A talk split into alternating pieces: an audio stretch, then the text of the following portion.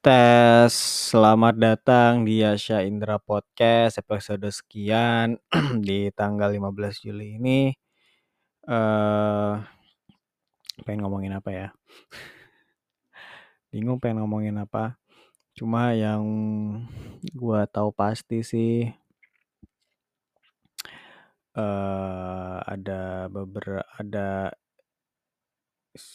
gue bingung asli mau ngomongin apa kayak kema oke kemarin tuh gue tahu gue pengen ini gue pengen nanti pengen bahas inilah sebagai eh pot apa sebagai bahan podcast gitu. Cuma gue lupa nih bahas apa ya mungkin ini kali ya minggu depan tuh ada pemutaran film ada ini peri apa film apa pemutaran film Barbie sama Oppenheimer yang dua-duanya itu film yang sangat apa ya bertolak belakang dari segi dari segi cerita, dari segi vibe, dua-duanya bertolak belakang tapi diputar bersamaan.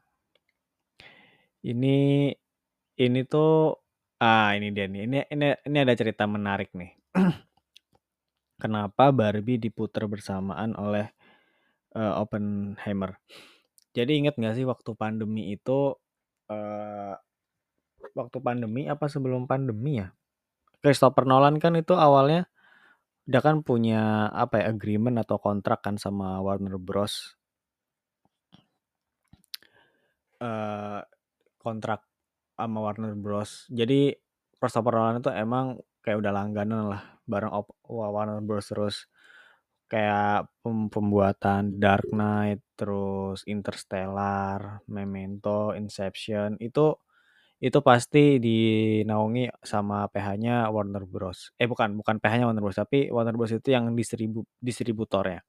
Jadi kan ada yang namanya distributor, distributor film, ada yang namanya PH, PH film. PH itu production house. Jadi yang nanganin kayak uh, set, cerita, terus keputusan kreatif itu PH. Nah, PH-nya Christopher Nolan itu namanya Syncope ya kan. Makanya setiap kita nonton filmnya Christopher Nolan pasti selalu ada logo apa Syncope gitu. Nah, itu Syncope itu PH-nya. Nah, Warner Bros itu di situ berperan sebagai distributor. Nah, jadi Warner Bros itu nggak punya uh, wewenang lah untuk menentukan uh, sisi kreatif film-filmnya Nolan. Jadi nggak ada tuh WB kayak ngatur nih ini apa ceritanya kayak gini aja ya, ini gini-gini nggak. Jadi semua keputusan kreatif itu ya ada di Nolan ya yang mana Nolan itu pemilik dari Syncope. Nah, Syncope itu menggandeng Warner Bros sebagai distributornya. Emang WB itu kadang bisa jadi bisa jadi PH bisa jadi distributor. Kalau jadi PH ya kayak kita tahu ya film-film yang lain kayak Harry Potter, terus termasuk Barbie itu itu PH-nya itu Warner Bros sekaligus distributornya. Atau film-film DC yang lain gitu. Nah, waktu pandemi uh, waktu pandemi gue gue bingung gue bingung nih mulai dari mana. Pokoknya uh, Christopher Nolan itu nggak setuju lah sama keputusannya Warner Bros. untuk memutar film-film Warner Bros. H plus satu bulan atau H plus berapa bulan gitu setelah perilisan di bioskop agar bisa di streamingin di OTT gitu. Jadi jadi ada keputusan dari WB di mana film yang udah tayang di bioskop kayak H plus 6 bulan atau H plus 3 bulan, film ini langsung ada di mana di OTT gitu. Nah, Christopher Nolan itu kan anti ya sama streaming service kayak Netflix, kayak uh, Disney Plus, kayak uh, HBO Max gitu itu itu sangat anti lah. Pokoknya Nolan itu apa sinema puritan banget. Dia tuh nggak suka film-film yang ditayangkan di laptop. Dia tuh dia tuh pengen filmnya itu mau nggak mau utamanya itu harus bisa dinikmati di layar lebar dulu baru OTT cuma keputusan ini no, tapi cuma Nolan itu nggak setuju sama keputusan ini. Dia itu nggak mau film film film film film WB termasuk filmnya gitu kayak ini baru diputar tiga bulan di mana katakan tiga bulan gue lupa persis berapa ini baru diputar tiga bulan di bioskop masa tiba-tiba langsung di setel di streaming harusnya kasih jenjang dong berapa tahun gitu, baru ada di OTT gitu. Nah, Nolan itu nggak setuju sama keputusannya WB, Warner Bros. untuk menayangkan film-film eee, di yang di bioskop ke masuk ke HBO Max gitu. Akhirnya diputus tuh kontraknya. Nah, tapi apakah setelah itu Christopher Nolan eee, jadi nggak bisa bikin film? Beh, masih banyak eee, studio-studio lain yang pengen gandeng Nolan dan akhirnya Nolan pun bekerja sama dengan Universal Studio. Jadi Universal Studio ini eee, PH mungkin sekaligus distributor yang film-filmnya juga lumayan terkenal kayak Get Out, Nope itu juga dari Universal Studio. Tahu kan Universal Studio yang yang sebelum film dimulai tuh animasinya tuh gambar bumi, apa, bumi muter terus ada ada matahari gitu. Ad terus ada matahari terbit. Ya itu Universal Studio. Nah, Uni Universal Studio itu akhirnya bekerja sama sama Nolan. Dan syarat untuk bisa kerja sama sama Nolan itu sangat-sangat, apa ya, sangat-sangat eee, sulit dan mahal gitu. Netflix sudah mencoba me-reach tapi nggak bisa. Terus Apple TV mencoba me-reach tapi nggak bisa, Sony mencoba me-reach tapi nggak bisa, baru Universal Studio nih baru bisa. Karena apa? Ada persyaratan. Yang pertama ini gue baca di Watchmen ID di Twitter, di Twitternya Watchmen ID. Yang pertama budget produksi film itu harus 200 juta dolar. Dan keput nah itu. Terus 200 juta dolar untuk produksi film, 200 juta untuk eee, keuntung untuk keuntungan putusnya. Jadi film ini ketika diluncurin, laku nggak laku, pokoknya harus balik 200 juta dolar lagi, bayangin. Jadi itu nah, terus 200 juta dolar lagi itu buat marketing. Bayangin, 600 juta dolar. Jadi sepertiga dipakai buat produksi, sepertiga buat bayar putus, sepertiga buat marketing. Terus eee, penayangan jarak penayangan di streaming dan nggak boleh eh, dan nggak boleh ditayangkan secara streaming, harus ditayangkan di se apa, di bioskop dulu di layar lebar, baru jarak berapa bulan, 6 8 bulan ke depan atau s 12 bulan ke depan baru boleh ditayangkan di streaming. Nah, itu itu syarat keempat. Dan syarat kelima udah pasti segala keputusan kreatif itu hanya hanya di PH-nya Nolan aja, di Christopher Nolan aja. Tapi dari kelima syarat ini, ya semua PH semua PH, semua studio itu pada berebutan termasuk Netflix, Apple TV, terus eee, Universal Studio termasuk, Sony gitu gitu. Netflix nggak bisa untuk eee, untuk peraturan nomor 4, syarat nomor 4 dia nggak nggak sanggup. Apple TV semuanya Apple TV sebenarnya bis sanggup semua, cuma ada alasan apa gitu nggak dia dia dia nggak bisa. Sony itu kayaknya nggak sanggup di eee, OTT juga kayaknya, di bagian streaming service dia juga nggak sanggup. Nah karena gimana ya, karena Christopher Nolan itu emang kayaknya udah jadi, apa ya, brand trademark lah. Pokoknya kalau pokoknya film dia itu udah pa dijamin laku, udah pasti itu laku. Pokoknya udah eee, udah jadi stempel kalau, "Eh, ini film bakalan laku, pasti laku." Paka pasti bakal jadi bahan omongan, pasti bakalan ditunggu-tunggu, pasti bakalan diantisipasi gitu. Itu itu udah jadi trademark-nya Nolan. Karena Nolan itu, apa ya, mau sebenci eh, gua sebenci-bencinya eee, sinetfil mungkin sama Nolan ya. Karena Nolan itu adalah mungkin sutradara yang kayak merevolusioner lah film-film kita gitu. Film-film kita, sinema dunia mungkin itu bisa sampai di detik ini tuh mungkin bisa jadi ada, apa ya, ada ada campur tangan Nolan di situ. Jadi jadi ketika Nolan mau bikin film apa, pasti udah ada yang ini, pasti udah ada yang pasti udah, "Gua pasti nonton," gitu. Udah jadi jaminan mutu laku gitu, itu film-film Nolan. Nah nah hubungan sama Barbie apa? Nah, Barbie itu dibuat oleh Warner Bros, ya kan. Barbie itu dimuat dibuat oleh Warner Bros, dan ini nih, ini kayaknya konspirasinya sih. Jadi tujuan WB itu bikin film Barbie itu untuk nyaingin Nolan. Dan sengaja perilisannya itu dibarengin sama Oppenheimer.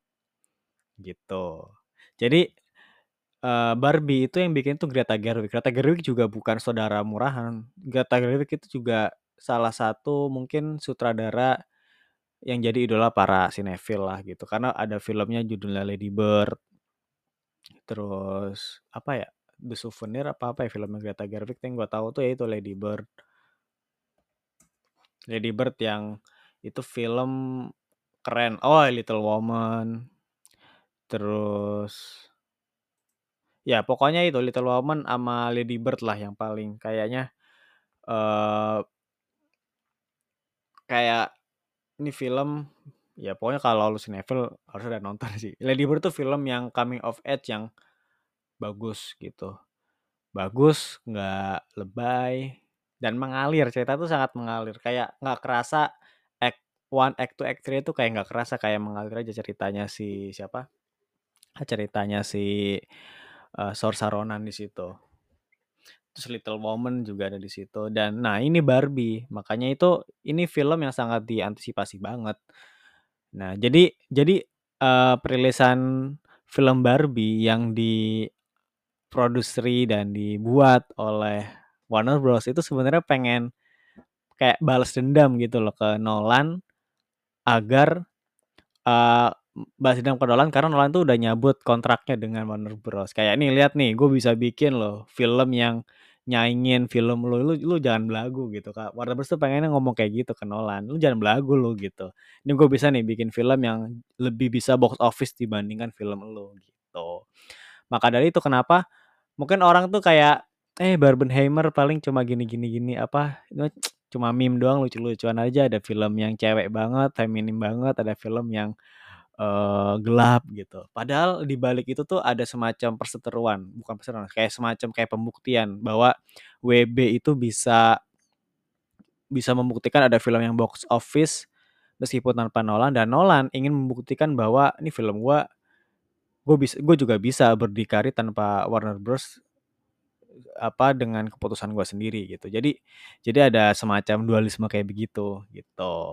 Jadi itulah cerita di balik kenapa Barbenheimer ini apa uh, momen Barbenheimer ini sangat-sangat fenomenal sangat-sangat apa ya, momen yang mungkin satu banding 100 lah ada di perfilman kita ada di apa ya industri perfilman gitu.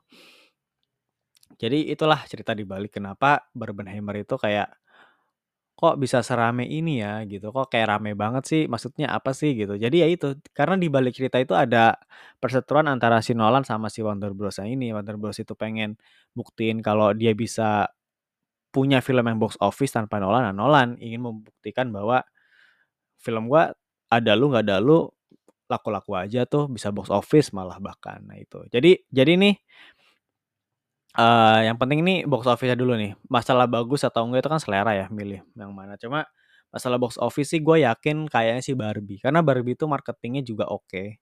Di Indonesia apa oke banget marketingnya di MRT terus di ada di mall di mana gitu. Itu dibikin kayak miniatur apa rumah-rumahan Barbie gitu. Nah, sedangkan Oppenheimer kalau gue baca beritanya dilarang bahkan di Jepang karena ya itu, ini kan ini kan Oppenheimer kan cerita tentang biografi Oppenheimer. Robert Oppenheimer si pencipta bom atom itu. Yang bom atom itu digunakan untuk membom Hiroshima sama Nagasaki. Mungkin mungkin kejadian itu sangat traumatis ya. Jadi film ini nggak ditayangkan di sana. Nah, itu aja kayak udah jadi aduh warning nih kayaknya film ini pasti nurun dari segi pemasukan karena uh, ini film yang sangat menyinggung salah satu kejadian paling traumatis lah ya pada pada saat itu. Jadi otomatis di Jepang nggak nggak ditayangkan. Nah ini ini kayaknya sih fix Oppenheimer bakalan kalah dari Barbie dari segi box office. Tapi tapi dari segi apa ya uh, skor dari segi feel apa ya kualitas film atau bagus jeleknya itu itu kayaknya sih ter, ya pasti pasti akan selalu divisif lah. Pasti ada yang suka Barbie, ada yang suka Oppenheimer, ada yang suka sebaliknya, atau bahkan ada yang suka dua-duanya gitu. Jadi ya itu ya, inilah cerita di balik kenapa event Barbenheimer ini sangat, apa ya bisa se-deep itu, karena ya tadi ada perseteruan antara Christopher Nolan sama si Warner Bros.-nya itu. Oke. Eee, itu aja mungkin ya. Nah, gue jadi gue jadi ada kan gua gua akhirnya bahas ini. Gua sebenarnya ini udah ters terbesit di pikiran gue beberapa waktu yang lalu sih. Cuma gue bingung pengen cerita di mana ya. Gua akhirnya gue cerita di sini aja deh, gitu. Eee, mungkin itu aja ya. Cari podcast ini cuma bahas itu aja deh. Event Barbenheimer. Kalau lu mau nonton yang mana dulu nih? Kalau gue sih kayaknya bakalan nonton Barbie dulu baru Oppenheimer. Iya, itu pasti sih. Banyak orang yang pengen nonton Oppenheimer dulu baru Barbie karena sedih-sedih dulu nih, traumatis dulu baru penyegaran no nonton Barbie. Kalau gue sih pengennya sih Barbie dulu baru Oppenheimer. Karena gini, karena gue tuh pengen nonton yang cerah cerah cerah. Pasti Barbie kan pasti nanti ada sedikit sedihnya ya. Nah, di ending pasti mungkin ada sedih-sedihnya dikit gitu. Baru nanti Oppenheimer tuh kayak terakhir kayak kayak apa ya, kayak mulai tegang gitu, kayak mulai gelap, kayak mulai sedih gitu, baru di situ akhir. Jadi kayak Barbie itu kayak pemanasan lah, kita enjoy-enjoy dulu nonton per apa, biar rileks kita nonton film. Terus nanti kita baru masuk ke film yang bener-bener kayak menguras tenaga dan otak gitu. Karena terla karena mungkin gelap ceritanya, mungkin karena banyak mungkin masalahnya berlayer-layer, kita nggak tahu ya film ini nanti treatment-nya kayak gimana sih sama Christopher Nolan. Karena kita tahu tuh di tra di trailer-nya ada ada scene Albert Einstein, terus ada scene siapa, ada ada Robert Downey Junior muncul di situ. Jadi ini film sangat bertabur bintang, terus terus juga membawa biografi yang unik, yang menarik gitu. Jadi ya gua gua sih pengen nonton Barbie dulu baru Oppenheimer. Jadi itu ya. Jadi itu lebih dari meme lah ya. Lebih dari meme, lebih dari lucu-lucuan kejadian ini. Sebenarnya sebenarnya di balik kejadian ini ada kejadian yang sang apa, ada kejadian jadi sebelum jadi di balik Barbenheimer ini ya, apa film Barbie dan Oppenheimer ini itu sebenarnya di balik itu ada semacam perang kreatif lah, perang kreatif antara Nolan dan WB gitu. Si Nolan, eee, WB pengen balas dendam ke Nolan karena Nolan itu udah istilahnya apa ya, eee, mencabut kontrak ke WB, WB dibuktiin, "Nih gua bikin film nih, Barbie, yang direct Greta Gerwig, mampus lu. Coba lu bisa nggak buktiin lebih bisa box office nggak daripada gua?" Gitu. Itu ya. Kira-kira kalian gimana nih? Mau nonton yang mana dulu, Barbie atau Oppenheimer dulu? Kalau gua pasti nonton Barbie dulu baru Oppenheimer. Oke, goodbye. Kalau lu suka share ya, eee, di mana pun itu, bisa di Instagram atau di Twitter. Eee, biar podcast ini makin banyak yang denger. Goodbye.